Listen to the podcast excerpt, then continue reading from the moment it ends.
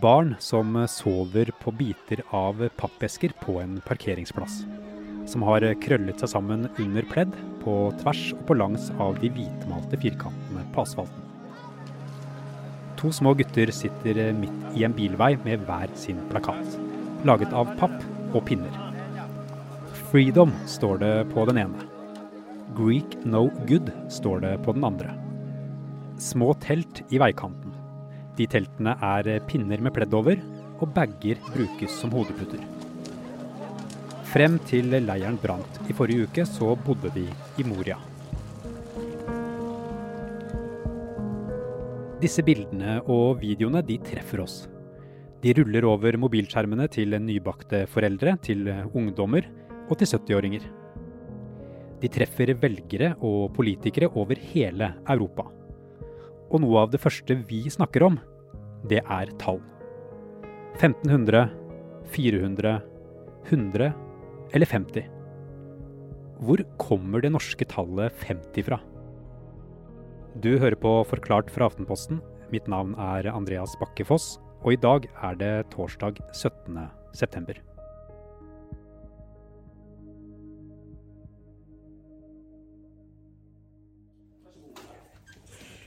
Det er Jeg kan vel mer for å drikke kaffe. Onsdag morgen så holdt eh, statsminister og partileder Erna Solberg et pressemøte i forkant av Høyres landsmøte. Der var Kjetil B. Alstaheim, som er politisk redaktør i Aftenposten.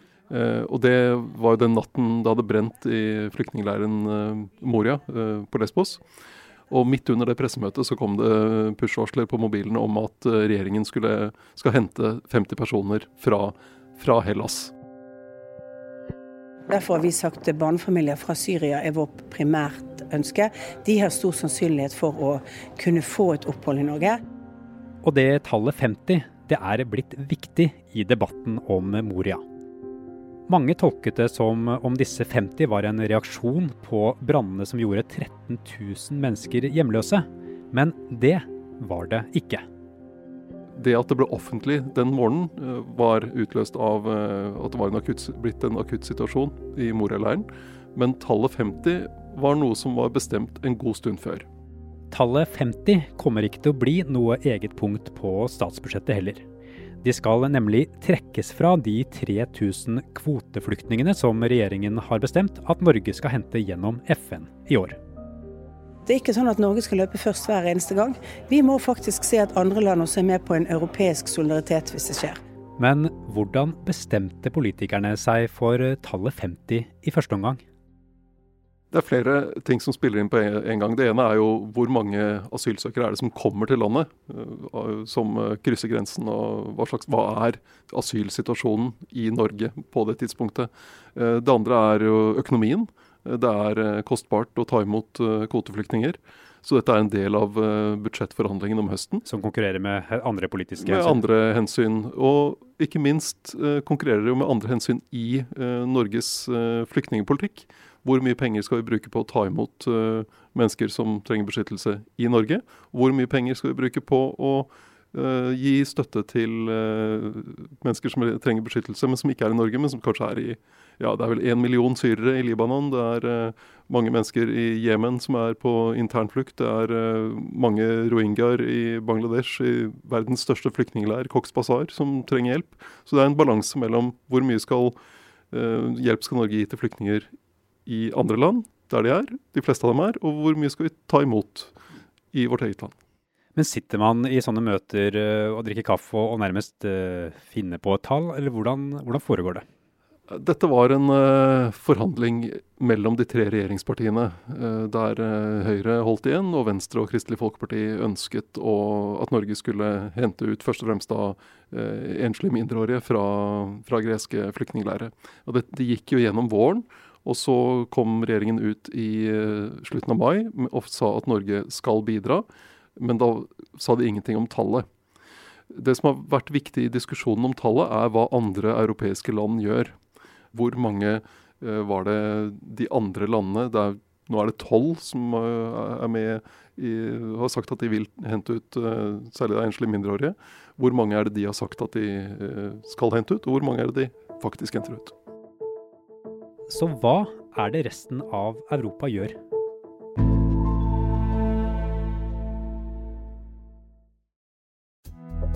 I dagene etter brannen i Moria så reagerte Europa.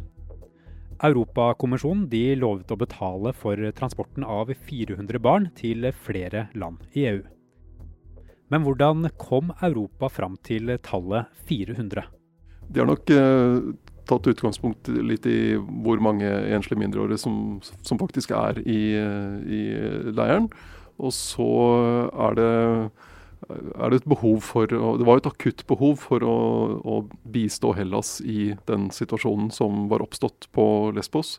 Og så er jo spørsmålet hvor, i hvilken grad dette faktisk blir gjennomført. Hvor lang tid det kan ta. Det å avklare identitet og sånne ting f.eks. er viktig i de prosessene. Så det er mye vi ikke vet om gjennomføring av dette. Men Nederland har da vært ute og sagt at de vil ta imot 100 f.eks.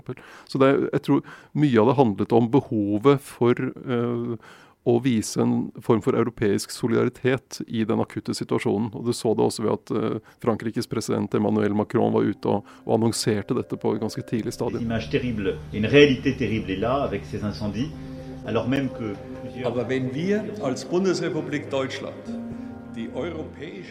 Ifølge tyske medier så vurderer nå myndighetene i Tyskland å ta imot ytterligere 1500 asylsøkere fra Hellas. Så må nok dette ses i sammenheng også med de forsøkene uh, som gjøres i EU på å få til en ny migrasjonspakt, som skal komme uh, sannsynligvis neste uke. Uh, og Det EU har slitt med hele veien, er å få til en felles det de kaller byrdefordeling. Altså Hvis det er mange flyktninger i i, eller migranter i Hellas og Italia ikke minst, så var det snakk om hvordan kan vi fordele det mellom EU-landene. Det ble gjort et forsøk på dette etter flyktningkrisen i 2015, i 2015 og 2016, da man skulle lage en sånn fordeling. Norge var med på den, og Norge var et av få land som faktisk eh, gjorde det eh, som vi lovte. Det er en sterk motstand, særlig fra østeuropeiske land, mot å ta imot noe særlig migranter og asylsøkere. Så det er, dette er veldig vanskelig i EU å faktisk få til en, eh, en enighet om det. For konsekvensene av flyktningkrisen i 2015, de blir viktige nå. Også da diskuterte politikere over hele Europa hvor mange vi hadde plass til. Nærmere 10 000 asylsøkere krysset grensen. Vi snakker nå om 300-400 nye om dagen. vurderer er å gå til militær aksjon. Fordi vi så overfylte gummibåter med folk som forsøkte å krysse Middelhavet på flukt fra krigen i Syria. EUs ledere sitter nå i toppmøte for å finne løsninger på Fordi bildet av treåringen Allan Kurdi dukket opp. Han som lå død med rød T-skjorte og ansiktet ned i sanden på en strand i Tyrkia. I utgangspunktet var det jo en krise for flyktningene. Det særlig mennesker som, eh, som flyktet fra, fra, krigen i Syria eh, og var i en fortvilt situasjon. Eh, og du så i løpet av våren 2015 at det ble, mange hadde veldig sympati med dem. Og de ble tatt imot med åpne armer av mange. Og ikke minst Angela Merkel, som var tydelig på at dette klarer vi. Og, og så snudde dette i løpet av høsten 2015. Da var, ikke, da var ikke flyktningkrisen lenger en krise for flyktningene, da var det en krise for landene som tok imot. Eh, Norge hadde de som syklet, eh, kom syklende fra Russland over Storskog grense i Finnmark f.eks., som var, eh, ble oppfattet som en ukontrollert strøm av mennesker. Og du fikk konfrontasjoner på ulike grenser. Grensene ble satt opp igjen mellom ulike EU-land. Sånn at det, det, stem, det kom et stemningsskifte i hvert fall deler av befolkningen, og, og i politikken i løpet av det året. Og Kjetil tror at eh, den opplevelsen fra flyktningkrisen i 2015 preger hvordan situasjonen i Moria og Hellas møtes i Europa nå.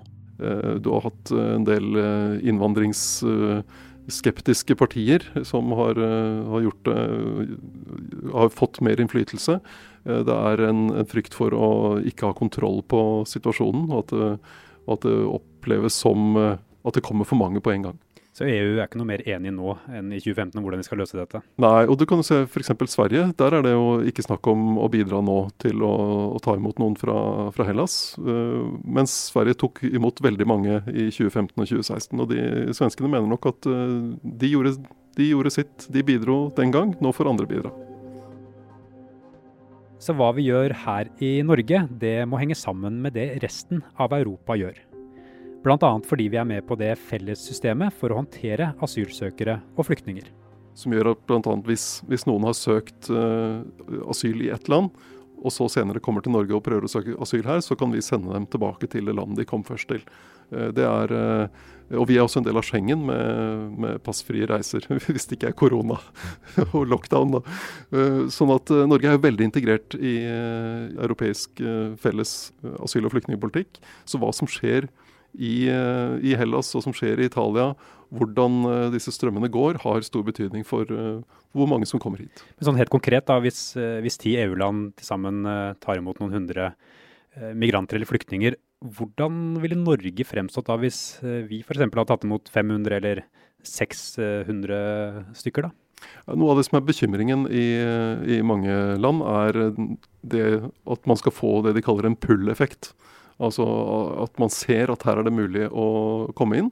Her er det mulig å slippe inn, bare man uh, holder ut lenge nok. Uh, og at det skal bidra til at flere prøver å komme seg over til Europa. Og det, det er jo en blanding av mennesker som uh, har mer eller mindre behov for beskyttelse. mange som jakter på et bedre liv. Og, og, at man da risikerer at du for å løse en akutt situasjon nå, skaper et større problem på lang sikt. Så ingen, ingen vil ta på seg rollen som, som, det snille landet da, for å ødelegge for resten av Europa? Nei, fordi da, da blir det jo det landet som uh, enda flere søker til. Sånn at du risikerer å få, få en, en, uhåndterlig eh, situasjon med, med, veldig mange som kommer på en gang, f.eks. Eller et stort trykk på mottaksapparat. Og det vi skal rope, er det de har ropt mange andre steder, og det er 'vi har plass'. Og det skal Utenfor Stortinget står demonstranter med en god meters avstand. Vi har plass! Vi har plass! Vi har plass! Vi har plass! Lyden av ropene de trenger godt gjennom munnbindene de har på seg. På plakater og ark så står det 50 er ikke nok. Regjeringen sitt 50-tall har ikke bare fått folk til å møte opp i demonstrasjon. På Facebook viser folk eh, motstanden sin ved å legge på et filter på profilbildet med samme slagord. 50 er ikke nok. Ja, Vi har foreslått 1500, eh, og det er jo et lite tall. Hellas har eh, Det tallet 50, er det i det hele tatt diskuterbart, eller kan det hende at regjeringen ombestemmer seg? Det tror jeg kommer litt an på hva som skjer i, i europeisk sammenheng. Hvis, hvis det blir en flere europeiske land finner ut at et bidrag til situasjonen nå er å hente ut noen flere, og at uh, ulike land faktisk gjør det, så kan det bli aktuelt for Norge også, tror jeg, å, bidra til det. Og så er det viktigste er hvordan, hvordan, man løser situasjonen i Hellas. Uh, hvor, hvordan, uh, hvordan, flyktningstrømmene, eller migrantstrømmene, går. Skal, skal, vil disse leirene fylles opp på nytt? Eh, og noe av problemet her har jo vært at eh, det greske systemet for å behandle asylsøknader har omtrent ikke fungert. De har fått opp farten nå i løpet av dette året. Men uh, både det at de, de, må få behandlet flere asylsøknader, og de må få returnert de som får avslag.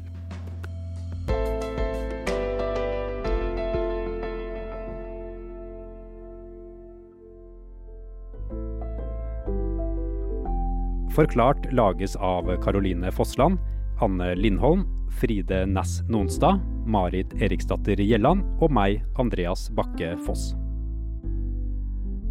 I denne episoden har du hørt lyd fra NRK, VGTV og nyhetsbyrået AP.